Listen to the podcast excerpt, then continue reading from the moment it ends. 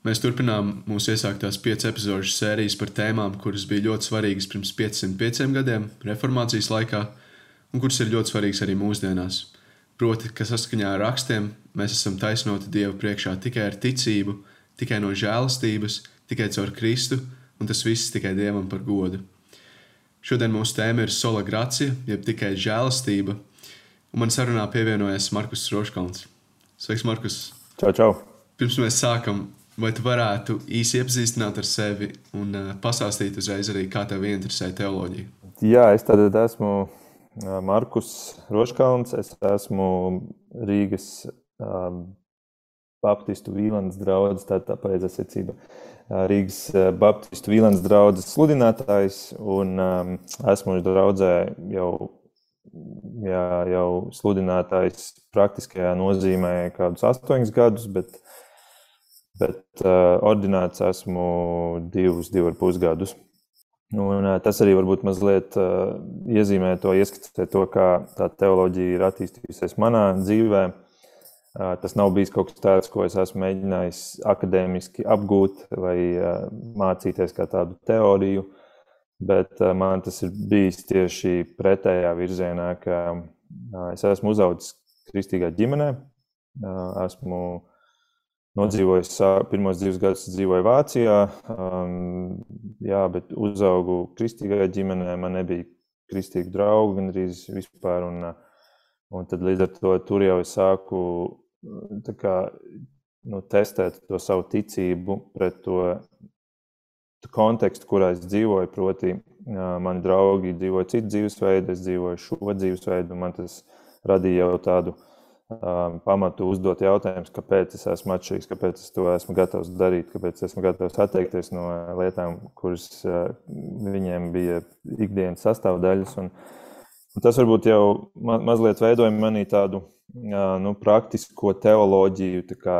meklēt, uh, saprast. Un, un um, tā gadiem ejot, esot nonākot Lutāņu draudzē, kurš beigās desmit gadus arī esmu bijis caur vienu patiesībā tādu negatīvu dzīves notikumu, vienu traumu, es um, pa īstam sāku uzdot jautājumus Dievam, kāpēc viņš to ir pieļāvis. Un, un, un, un, un kā beigās sapratu, ka es esmu diezgan liels liekulis, jo man Bībeles stāv skapī noputējusi, bet es Dievu saucu kā savu svarīgāko dzīves personu. Uh, Un eh, tad caur šo visu, nu, tādu, tas bija diezgan grūts man dzīves periods, ar daudziem jautājumiem un cīņām ar Dievu. Tad es um, vispār ieraudzīju, kas vispār ir Bībele. Un, un es sāku meklēt atbildes Bībelē, un tas man atvēra tādu pilnīgi jaunu pasauli.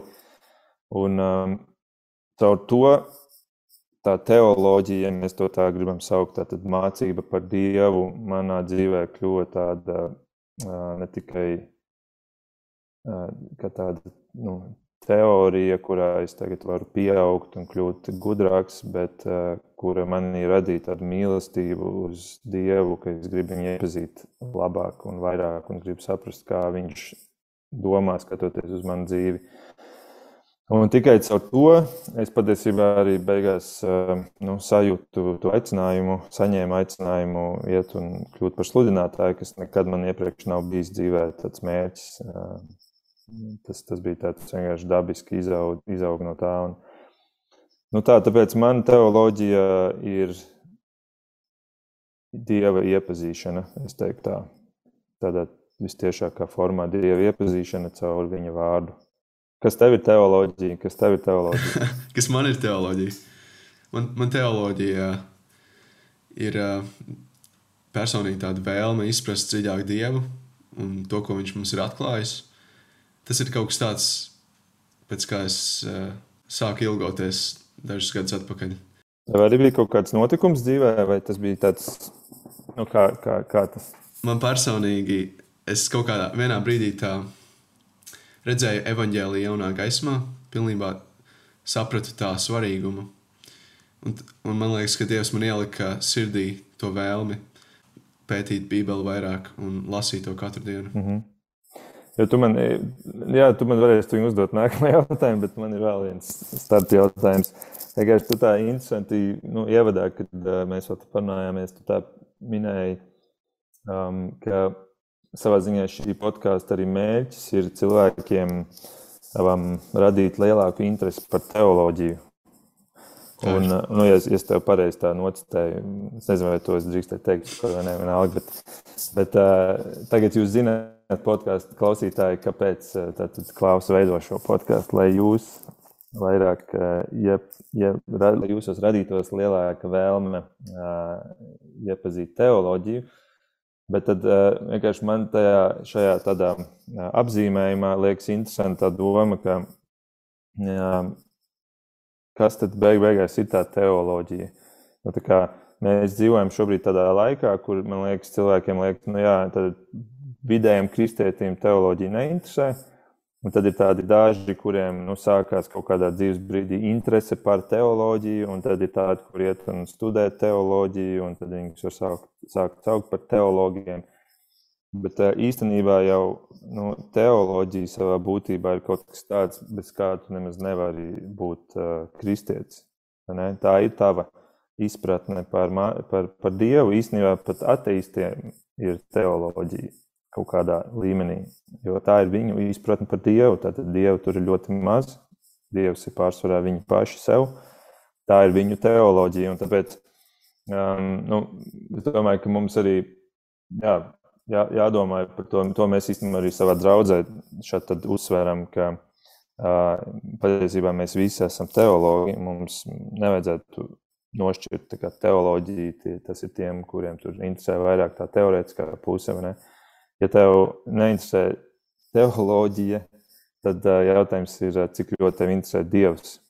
Cik ļoti esi gatavs iepazīt Dievu caur to viņa versiju, nevis caur um, stāvu to prizmu, kur tu teiksim, izdēli tās kategorijas dzīvē, kur kā, nu jā, šī, šī man interesē daļa, tāpēc šeit es kā, palasīšu, bet nu, citas dieva daļas man neinteresē, un, un es kā, pats veidošu savu priekšstatu par dievu no tā, ne, kas man pašam prātā darās. Nu, tā, tas ir tas risks, varbūt, kur jā, kristietis atsakās izrādīt interesi par teoloģiju. Es tev pilnībā piekrītu. Uh, man liekas, daudzreiz cilvēki vienkārši baidās no tā vārda te teoloģija vai teologs. Tas tam nav jābūt tikai tā akadēmiski vai uh, ļoti teorētiski. Tas, tas uh, teoloģija var būt arī ļoti praktiski, kā jau tu minēji savā, savā stāstā. Jā. Un, jā, taisnība ir šī, šī podkāstu mērķis vēl joprojām ir ieinteresēt cilvēkus, it īpaši jau jaunākus cilvēkus, tajā bagātībā, ko Bībele piedāvā mums, un kas patiesībā mums katram ir mājās, katram ir rokās šī bībele, kurā ir tādas bagātības, uh, kuras man personīgi tāda sajūta, ka es visu, man nepietiks uh, laika savā dzīvē, lai visu, visu to saprastu vai visu iemācītos vai izdzīvotu, bet uh, jo agrāk, jo, jo labāk. tieši tā, tieši tā. Man liekas, arī svarīgi, ka tu, um, nu, ka tu saproti, kas ir tavs podkāstu mērķa auditorija. Man vispār liekas, mērķa auditorija ir kaut kas ļoti um, svarīgs, ka mēs to tā nodefinējam. Jebkurā lietā, kurā mē, kuru mēs darām, es esmu arī, man ir, es esmu savā laicīgajā darbā dizainers, strādāju ar digitāliem produktiem un mācu arī mākslas akadēmijā. Tad es diezgan lielu uzsvaru lieku studentiem uz to, ka pirms tu kaut ko radi, tev ir jāsaprot, kam tu to radīsi, kas ir tā tava mērķa auditorija. Un līdz ar to tu tai mērķa auditorijai pateiksi lielu treknu, jā, es koncentrēšos uz jums, es došu jums to uzsvaru, un tad ir kaut kāda daļa cilvēku grupas, kuriem tu pasaki nē. Es uz jums, diemžēl, nekoncentrēšos, vienkārši nevaru, tad tas vairs nav fokus, tad tā vairs nav um, uz cilvēku, uz konkrētu mērķu grupu balstīta uh, izstrāde, balstīts produkts. Un, un man liekas, ka Bībelē ir atrodams kaut kas ļoti līdzīgs arī tieši šajā tēmā, par ko mēs šodien runāsim. Mēs vēl neesam pat sākuši par to tēmu runāt, bet arī tur ir interesanti, ka tu tā paskaties, ja skaties no šī mērķa auditorija viedokļa, tad tu redzi, ka Dievs Bībeli ir rakstījis divām izteiktām mērķa auditorijām. Viena ir tie, kuri vēl nav viņa bērni, un tie tiek uzrunāti ar veidiem, kas ir tāda tā kā pārliecināšanas valoda, kuras dod argumentus un mēģina pārliecināt viņu padarīt par savējo. Un tad ir otra mērķa auditorija, kur Bībele runā jau uz savējiem, uz saviem bērniem, uz tiem, kuri jau ir viņa ģimenē. Un, tā, kad mēs izstrādājam kaut kādus dizaina produktus, tad notiek tieši tas pats, piemēram, mājaslapā. Ja mēs izveidojam mājaslapu, mēs vienu mērķu auditoriju nodefinējam kā tos, kurus mēs gribam iegūt kā savus klientus, un viņiem mēs dosim dažādus argumentus, kāpēc nākt šeit.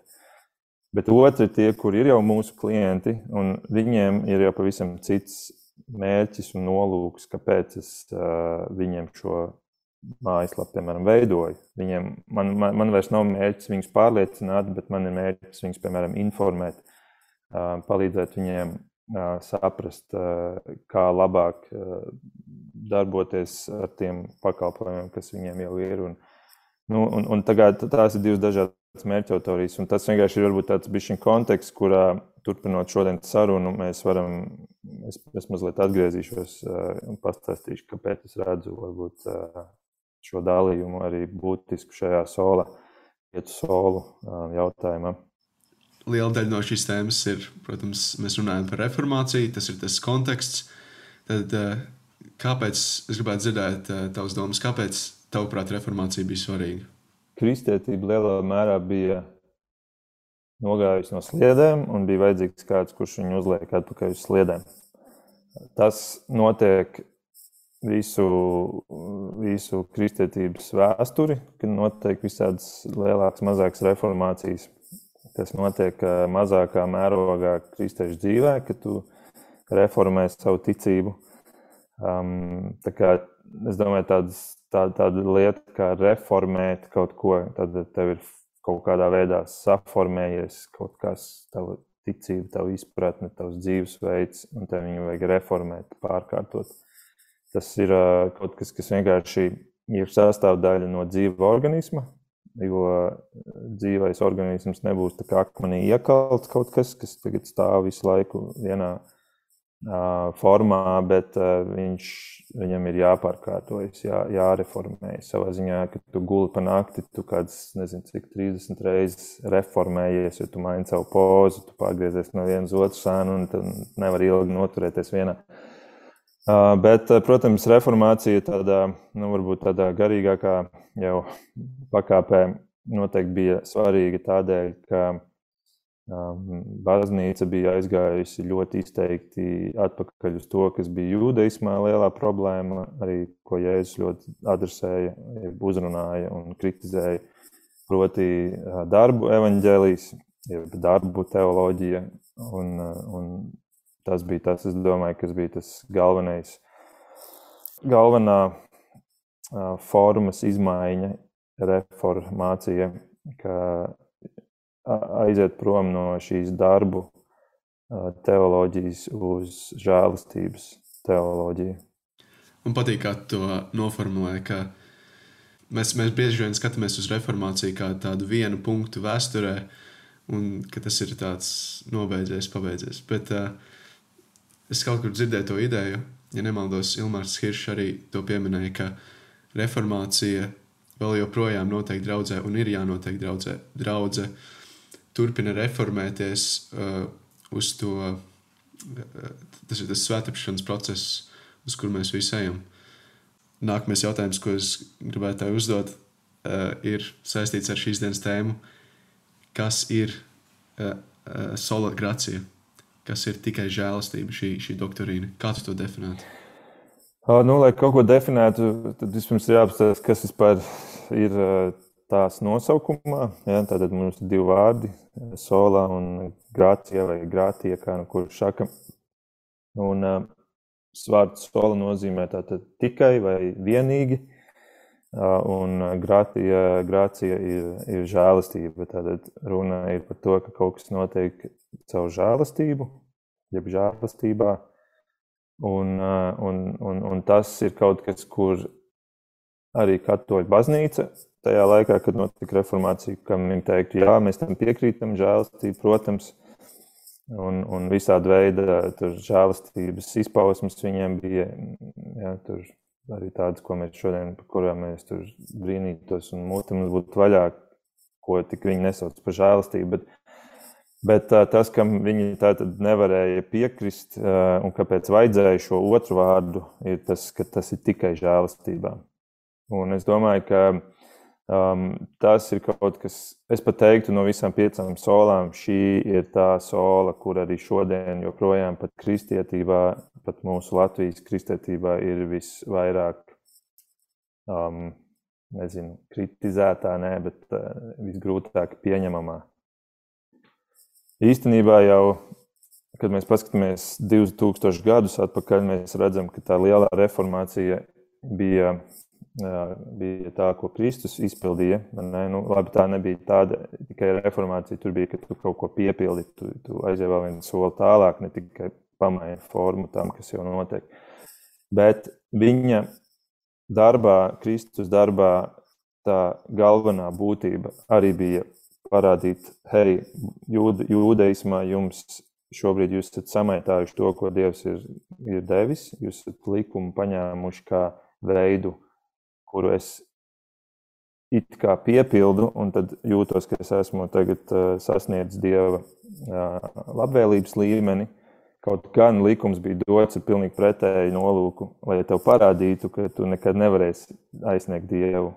Ne? Tad tu it kā paņem to pašu uh, dieva doto uh, likumu, dieva doto um, materiālu, un tu viņu, tu viņu uh, izmanto nepareizā veidā. Nu, tas tas pats, apmēram, ko, dar, katoļu, ko darīja katoļu baznīca tajā pirms reformācijas periodā.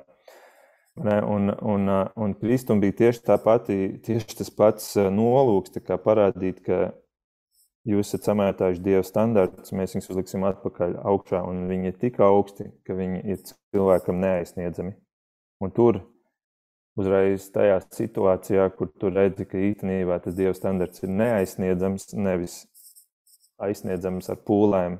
Un tāpēc es dzīvošu tagad tādu ļoti uh, likumīgu, karīgu, likumīgu dzīvi, lai to aizsniegtu. Uh, nē, viņš ir neaizsniedzams. Un tajā brīdī radās tā vajadzība pēc žēlastības. Tātad vienīgais veids, kā es varu aizsniegt šo, šo dieva milzīgu augsto standartu, ir caur viņa žēlastību, caur viņa apžēlošanos, caur viņa darbu.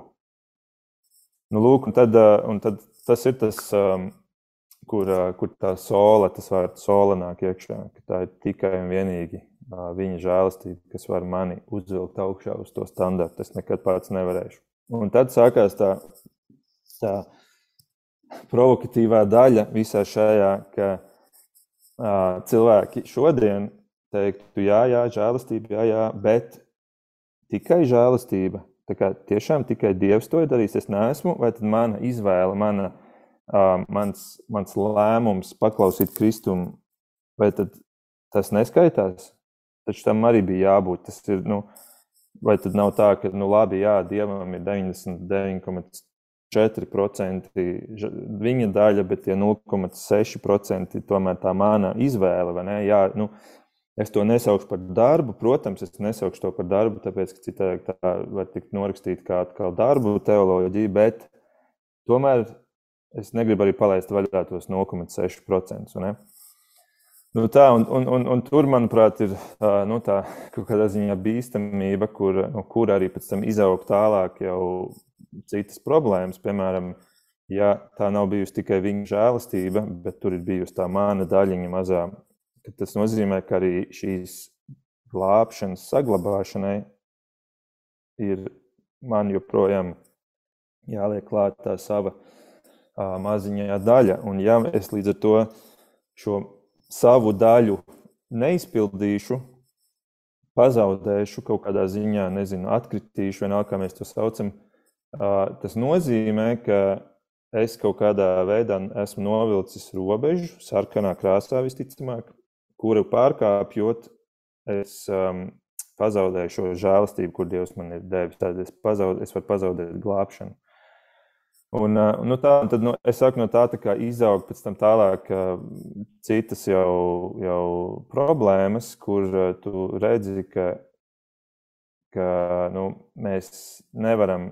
Tā ir mana pārliecība. Tas, es saku no savas skatu punkta, kur, es, kur man nepiekritīs liela daļa mūsu arī you know, baptistu vai, vai, vai luterāņu, varbūt arī un, un citu konfesiju kristieši Latvijā, viņi teiktu, nu, nē, es, es tam nepiekrītu. Un, un, um, jā, mums pat uh, šajā ziņā mazliet atšķirās arī, arī viedokļi ar tevis pieminēto Ilmāru Hiršu, kurš ir mans mentors. Un, un, un arī ar viņu mēs esam daudz par šo tēmu runājuši. Un, un es redzu, ka, um, jā, kad, kad ir šī vēlme šo, šos procentu punktus paturēt savā pusē, Un, un tad ir tas jautājums, okay, vai, tā, vai tad tā joprojām ir sola grācija, vai tā ir vienkārši grācija? Mēs varbūt nedaudz novērsīsimies no tēmas, bet savā ziņā tā ir palikšana pie tēmas, jo tā, tā ir ļoti svarīga. Bet ko es gribētu, lai tu pastāstītu nedaudz vairāk par to, jo liela daļa kristiešu teiktu, Kristus caur šo, savu žēlastību, caur šo lielo žēlastību, pavēra mums ceļu un tādā veidā Kristus izdarīja to visu darbu. Vai tu varētu nedaudz paturpināt par šo un pastāstīt, kā tu skaties uz šo žēlastības interpretāciju vai izpausmi? Redz, ka, ka tā pēc loģikas liekas, ka tā vajadzētu būt. Nu, kad Dievs, Dievs kā Jēzus sagatavo risinājumu, viņš tagad mums viņu piedāvā. Un tagad ir mūsu daļa pieņemt vai nepieņemt. Un tas ir tas, ko ko, ko teiks liela daļa jā, to, kuri, kuri nepiekritīs doktrīnām, žēlstības doktrīnām.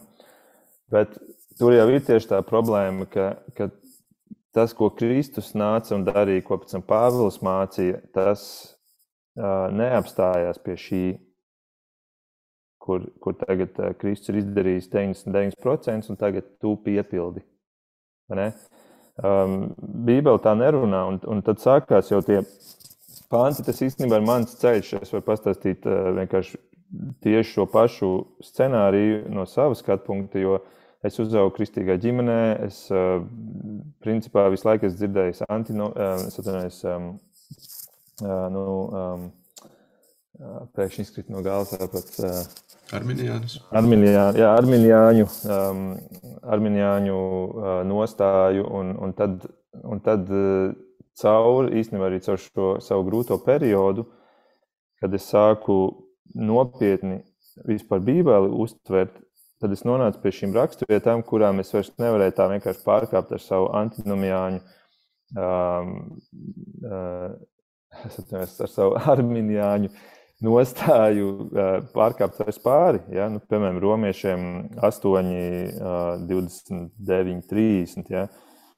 Es nevarēju vienkārši vairs saprast, kā es varu šo tekstu iekļaut savā izpratnē par to, kā, kā Dievs ir devis tur vienalga, cik procents, un man tagad ir jāpieliekties savu procentu klāt. Um, es varu to rakstītu ātri nolasīt, lai tiem, kur klausās, viņiem ir skaidrs, par ko es runāju. Tur ir teikts, jo kurus viņš sākumā nozīmējis, tos viņš nolēms darīt līdzīgi savu dēlu tēlam, lai viņš būtu pirmdzimtais daudz brāļu starpā. Bet kurus viņš iepriekš nolēms atpestīt, tos viņš arī aicinājis, un kurus viņš aicinājis, tos viņš arī taisnojis, bet kurus viņš taisnojis, tos viņš arī pagodinājis. Um, jā, kā, kurus viņš iepriekš nolēms atpestīt, kā, kas tas vispār ir? Kur man manā tajā skapī uh, ielikt, kurā, ap, kurā atvilknē šo domu. Un arī šodien, kad es runāju par šo tēmu ar, ar cilvēkiem, lielākā daļa runājot par izredzētību, saka, nu jā, tas jau bija kā laicīgais uzdevums, uz kuram tika izredzēts tas cilvēks ja, vai tā tauta. Tas nav par glābšanu, tas nekad nav par glābšanu, tas vienmēr ir tikai par kādu uzdevumu. Bet, uh, sorry, šī tekstā ir konkrēti runa par atpestīšanu. Tur ir runa par ķēdi, kuras sākās ar dieva iepriekšējo lēmumu, un pēc tam seko tikai aicinājums. Nevis aicinājums, un tad atkarībā no tā, vai es pielikšu tos savus procentus, Dievs izlems mani glābt. Nu tā, un, un, un tāpēc es pats izaugu ārā no šī, no šī arminianisma, tāpēc, ka Bībele man kļuva nērta. Un es negribu, ka Bībele man kļūst nērta. Es gribu, ka Dievs man saka caur savu vārdu kaut ko. Es gribu teikt, jā, un āmen. Es tam piekrītu. Es varbūt to līdz galam nesaprotu, bet, bet es tam piekrītu. Un, un, un beigās tā mana izpratne par, par šo jautājumu ir tāda, ka ka nē, ka Dievs nav, Kristus nav sagatavojis tikai ceļu. Kristus upuris nebija tikai potenciāls upuris, kur viņš potenciāli tagad uh, sagatavojas, nezinu, tur kuponu kodus, un tagad katrs, kurš grib, var paņemt to kuponu kodu un viņu izmantot vai neizmantot. Tas ir kaut kas daudz, daudz nopietnāks. Kristus ir nomiris par reāliem cilvēkiem, par reālām dvēselēm. Viņš ir izlaists reālas asins par mani. Ja viņš to nav izdarījis, tad es vispār nevaru būt drošs, ka viņš tiešām ir uh, nomiris par mani, par maniem grēkiem. Ja, ja tā ir tikai tāda potenciāla uh, nāve. Savukārt, ja mēs sakām, nē, viņš ir nomiris par visiem, tad jautājums ir, kāpēc cilvēks vispār vēl nonāk ellē? Ja, ko Dievs ir netaisnīgs tiesnesis, viņš tagad dubultā prasīs. Jēzus jau izlaiž savus asins, samaksāja, un tagad vēl tiek prasīta atmaksa par viņiem. Un tad šajā vietā tā, tā teoloģija, tā arminiāņu teoloģija vienkārši sabrūk. Tu vai nu padari Dievu par netaisnu tiesnesi, vai tu padari Kristu par, par liekuli, kurš stāsta, ka viņš ir nomiris, bet īstenībā viņš par nevienu nav pa īstam nomiris. Ja? Nu tā, un tāpēc, tāpēc es saku, jā, es tiešām ticu sola grācijai, jo es ticu, ka tie ir simtprocentīgi Dieva darbs manā dzīvē. Un tagad es vēl ieraugu citas raksturvietas, kā piemēram, kā piemēram Efeziešiem 2, 8, kur teikt, jo no žēlastības jūs esat pestīti ticībā, un tas nav no jums, tā ir Dieva dāvana vai Efeziešiem 2.1. Jūs bijat miruši savos pārkāpumos un grēkos, nevis tikai vāji vai, vai akli vai, vai slīmi, bet jūs bijat miruši. Um, Kolosiešiem 2.13. Jūs, kas bijat miruši savos pārkāpumos. Um, 1. korintiešiem 2.14, uh, kur, kur Pāvils saka, ka uh, Miesīgais cilvēks nesatver to, kas nāk no dieva gara. Tā, tā viņam ir ģeķība. Viņš to nevar saprast. Tas ir garīgi apspriežams. Viņš, viņš tā kā vispār nevar saprast, kamēr Dievs kaut ko nav ar viņu izdarījis, kamēr viņš nav ielicis viņā to svēto garu, viņš nevar vispār saprast. Ne? Un, un tad, es sāku, tad es sāku ieraudzīt, ka jā, Bībele sistemātiski runā par šādu setupu, kas, um, kas atbalsta sola grāciju, kas atbalsta 100% no dieva. Viņš kaut ko ir izmainījis manī, lai es spētu vispār saprast viņu. Un, un es to parasti salīdzinu ar, ar piemēram, tur, cilvēks brauc ar mociju, avarē un uz asfalta guļ, nomirst un piesteidzās pie viņiem. Ātrā palīdzība, tur pāris minūtes vēlāk vai sekundes vēlāk. Un, Un, uh, ko tā ātrā palīdzība, tas, tas, tas mediķis, ko viņš darīs, viņš teiks, jauniet, vai tu gribi, ka es tevi atdzīvinu? Ja? Un ko tas jaunietis tur darīs, uh, gulēdams savā asins peļķē? Viņš neko nevar atbildēt. Ne? Tas, ko, tas, kas tur notiek, ir, ka viņš tiek reanimēts. Un, un pēc tam viņam pat nejautā, vai tu gribi. Ja? Viņš vienkārši saka paldies par to. Viņš, viņš saka, paldies, es biju nespējīgs, nespēcīgs savā situācijā, es biju miris.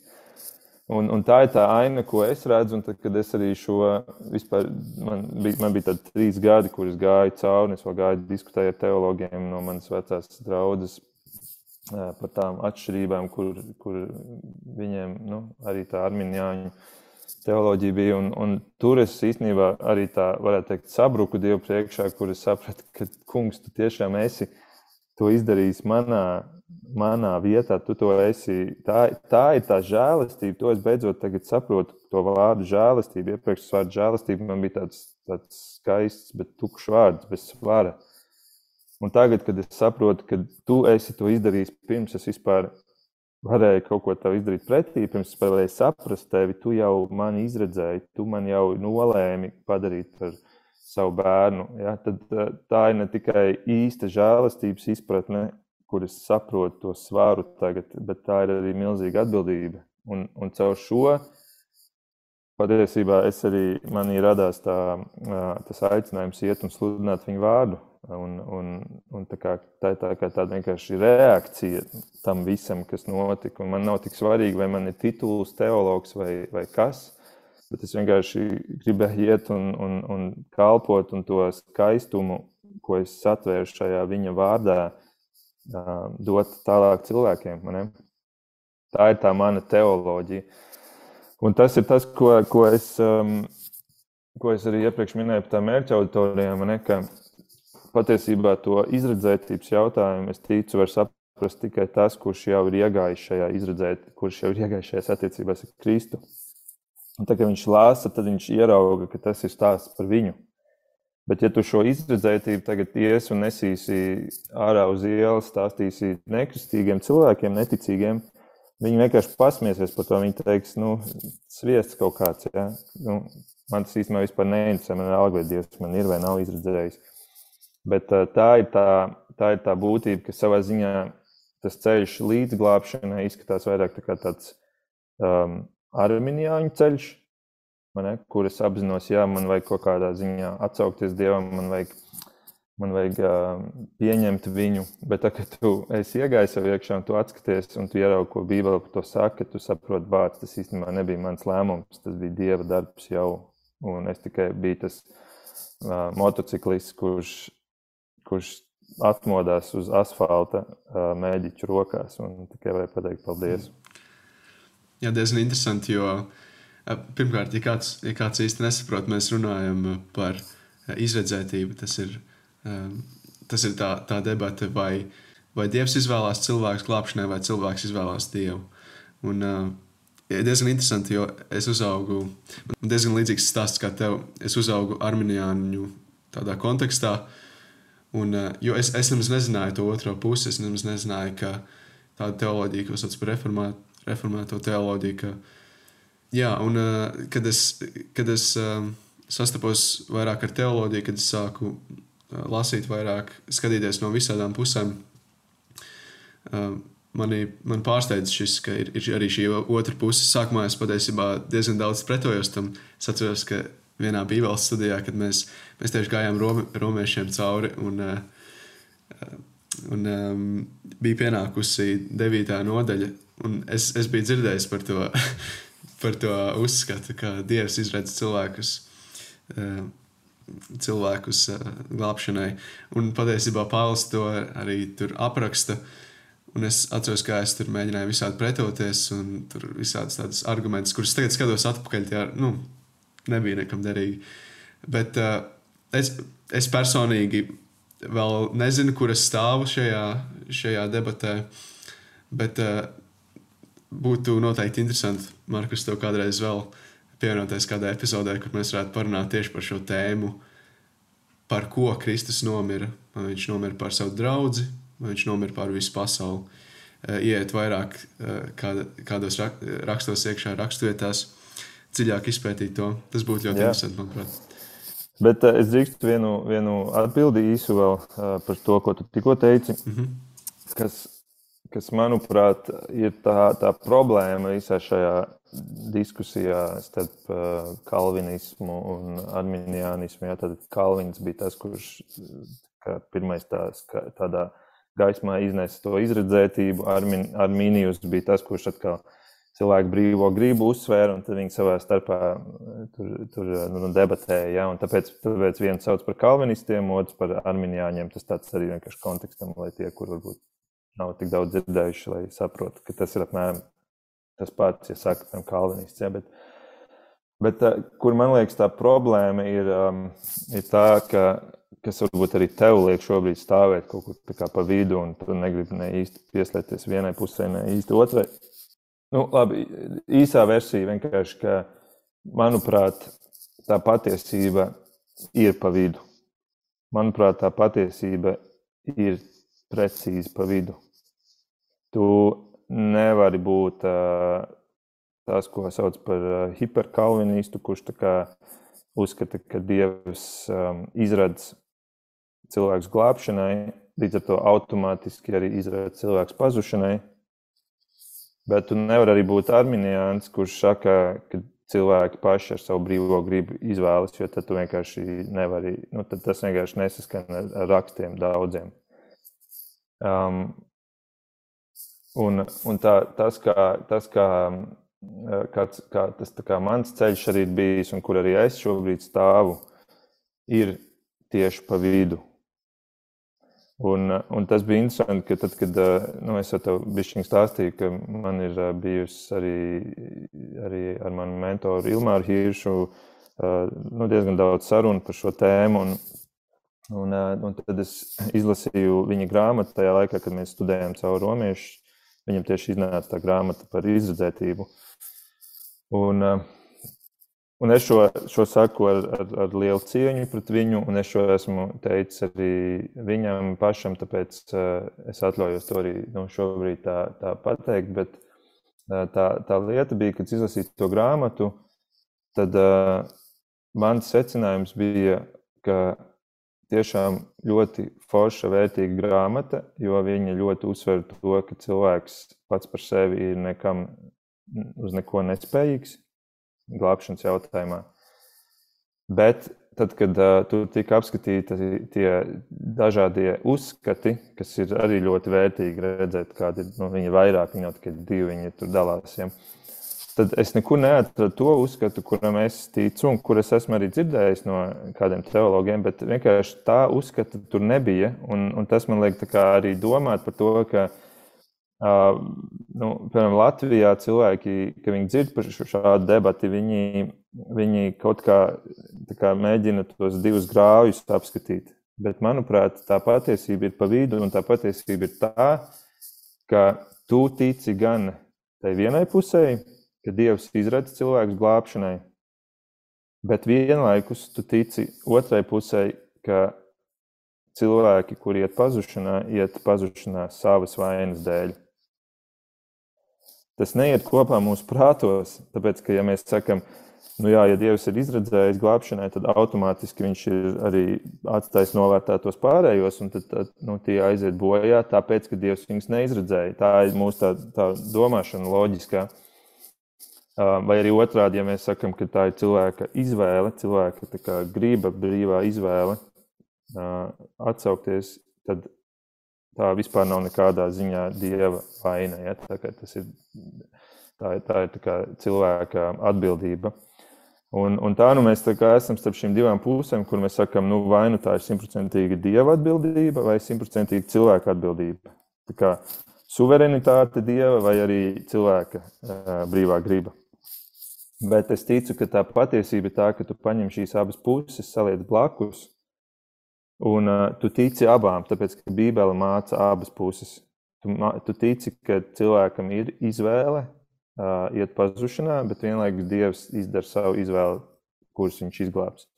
Tu šīs abas lietas noliec blakus, tu viņus nespēji savā prātā apvienot, bet tu viņus atstāji tur blakus. Tas ir paradoks. Tu viņu nevari Uh, tu gribētu viņus salikt blakus, un tā ka tās divas uh, rokas sanāk kopā ne, un izveidot to vienu kopīgu, kopīgo uh, dūri. Ja? Bet tu nevari to izdarīt ar savu pašreizējo prātu, tāpēc ka tas ir kaut kas daudz augstāks nekā mūsu prāts spēj saprast. Un, un tas, ko nu, šīs arī šīs pārliecības tādi nu, skolotāji lietoja piemēri, ka šāds paradoks ir patiesībā atrodams visās lielajās Bībeles doktrīnās. Piemēram, mēs varam paņemt um, jautājumu par romiešiem. Kurš sarakstīja vēstuli romiešiem? Ne? Vai tas bija uh, Pāvils? Jā, mēs sakām, jā. Okay, bet, uh, bet uh, vai tas arī nebija svētais gars? Tad jautājums, kurš tad sarakstīja, kuram tad ir tā atbildība? Nu, labi, tā kā abiem 50, 50, kā, ko nozīmē 50, 50. Tā kā Pāvils vienu pantu uzrakstīja, un pēc tam svētais gars otru pantu, un tad Pāvils trešo un svētais gars ceturto. Nē, ne? Viņi abi to uzrakstīja, abiem ir 100% atbildība par šo tekstu. Bet, uh, un, bet mēs nevaram savā prātā izskaidrot, kā tas iet kopā. Tas vienkārši tās divas lietas mums ir jātic, bet mēs nevaram viņus saprast, bet mēs viņam ticam. Tas pats ar Jēzu, kas viņš bija, cilvēks vai dievs? Vai kas 50% cilvēks, 50% dievs, ja, kas ir 50% cilvēks, kaut kāds uh, mironis, uh, kurš ir sagriezts pusēm. Tas nav. Jēzus bija 100% cilvēks, 100% dievs. Mēs nevaram to saprast, bet mēs tam ticam. Un tā mēs varam iziet cauri visām lielajām doktrīnām, lūkšanai. Ja? Dievs saka, lūdziet bez mitēšanās. Um, Un, un, un ja jūs, nelūd, jūs, jūs nedabūnat, tāpēc, ka jūs nelūdzat, bet vienlaikus viņš saka, ja jūs sakat, bet tēvs jau visu zina iepriekš, ne? tāpēc nepļāpājiet gāri, by the way. Tā kā, ok, tad dievam ir simtprocentīga atbildība, jo viņš visu jau zina, bet no otras puses cilvēkam ir simtprocentīga atbildība, jo viņš saka, nesaņem. Ne? Un atkal, lielas divas, divas tēmas, kur mēs redzam divas puses, katrai simtprocentīga atbildība, un mums viņas tomēr kaut kā jānoliek blakus. Mēs nevaram pateikt 50, 50. Mums ir jāsaka 100%, 100%, un mēs to nesaprotam, bet viņi tur ir. Un, un tāpēc es ticu, ka ar izredzētību ir tieši tas pats.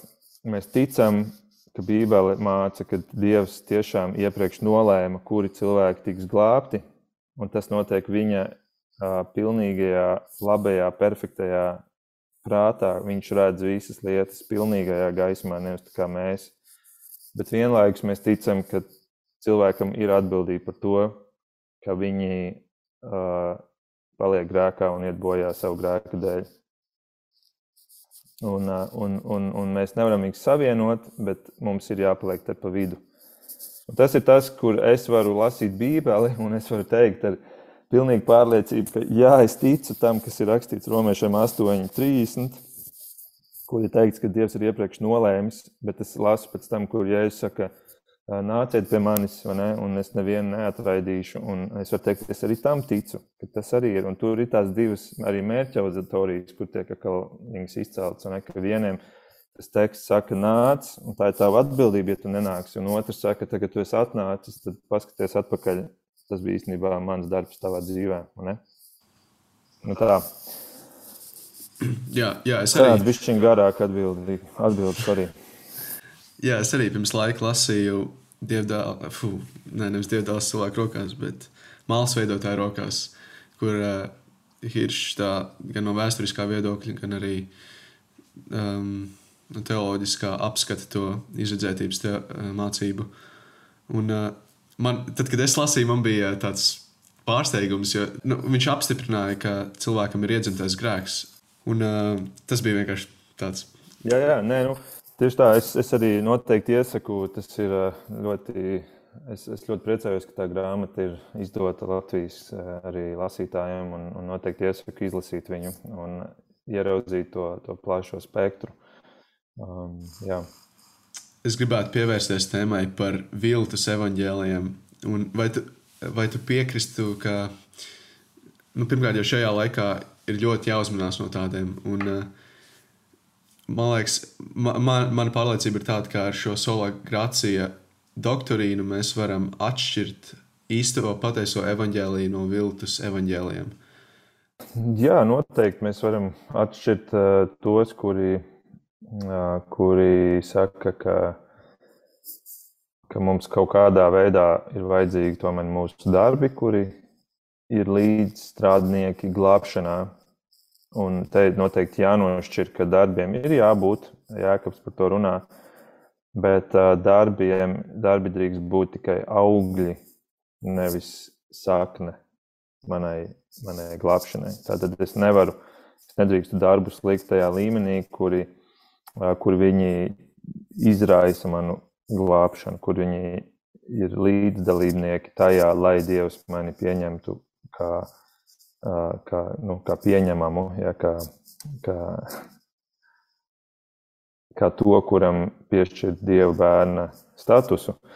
Darbiem ir jābūt, bet darbiem, darba mērķis ir, ka viņi apliecina tavu jau notikušo glābšanu. Un, eh, un tāpēc sola grācija noteikti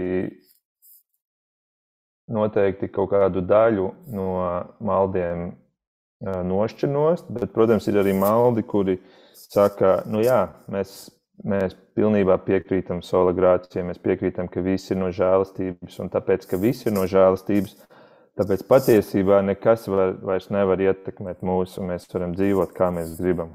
Un tad tur izaug tas, ko sauc par antinomianismu. Uh, tie, kuriem vispār likuma vairs, nu, likuma, likuma Kristus, viņi saka, likuma Krist, Kristus ir piepildījis, un tāpēc uz mums vairs nekas neatiecas. Mēs varam grēkot, un patiesībā, jo vairāk mēs grēkosim, jo vairāk būs žēlastības, un žēlastība ir kaut kas labs, un tāpēc mēs pat ir vēlams, ka mēs grēkojam, lai tā Dieva žēlastība varētu iet plašumā. Un, un par to, piemēram, Pāvils runā vairāk kārtīgi vēstulē romiešiem, vēl, vēl tādā ļoti skaidrā, izaicinošā veidā. Un tas vienkārši parāda to, ka tā viņa vēsts, kuru viņ, viņš romiešiem šajā brīnišķīgajā vēstulē izklāsta, ka viņš rakstot arī patiesībā jūdiem, Viņš apzinās, ka šī vēsts izklausās ķecerīga viņu ausīs. Ka šī vēsts izklausās pēc tā, ka mums vairs nevajag nekādus darbus, un tagad viss tiešām ir no Dieva žēlastības. Nu, ja jau Pāvils tā ir, tad, tad jau mēs varam dzīvot, kā mēs gribam. Un Pāvils pats zina, ka, ka, ka šī, šāda reakcija nāks no viņa puses, tāpēc viņš to vairāk kārtīgi um, nodaļās no 4 līdz uh, 6 um, uzsver. Un, un tāpēc uh, es gribu teikt, ka sola grācija nošķir jā, tos, kuri, kuri balstās uz darbiem, bet sola grācija nenošķirs tos, kuri aiziet antinomianismā un kuri saka, jā, nu visi no žālstības, tāpēc mēs varam dzīvot, kā mēs gribam. Un tur ir vajadzīgas pārējās solas. Tur ir vajadzīgs tas, piemēram, solā Kristus, ja, kad, ka Kristus ir bijis tas, kurš ir nomiris par grēku, solīdeo glorija, kur mēs sakam, viss gods Dievam, un, un tāpēc mana dzīve mēģinās apliecināt to, ja, ja mēģinās izraisīt tādas lietas, kuras Dievam nes godu, un grēks nebūs tas, kas nesīs Dievam godu. Ne? Tāpēc, tāpēc teiktu, tur ir vajadzīgs tas pārējās solis līdzās. Bet sola grācija noteikti vēršas lielā mērā pret visu to teoloģiju un kristietību, kur saka, ka tomēr kaut kādi procenti man ir jāliek klāt pie tās dieva glābšanas. Pirms mēs nobeidzam, vai tev ir kāds uh, vēlējums klausītājiem? Mans vēlējums klausītājiem ir iemīlēt teoloģiju.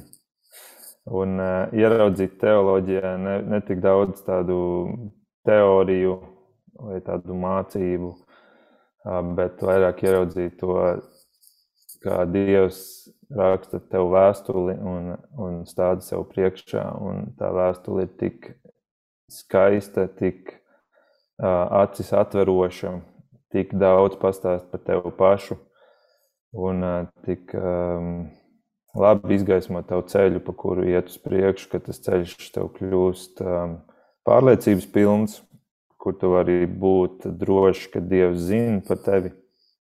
Un, uh, man liekas, ka šobrīd pārāk daudz kristiešu dzīvo ar lielām bailēm, neziņu tieši tāpēc, ka viņi nav ieraudzījuši Dievu tik lielu, cik viņš patiesībā ir, un viņš to grib uh, parādīt caur savu, caur savu rakstīto vārdu un caur svēto garu, kas šo vārdu atver vaļā. Tāpēc ņemiet to, lasiet, mācieties un, un ļaujiet, lai teoloģija kļūst par tādu dzīvu sastāvdaļu savā jūsu dzīvēm. Paldies!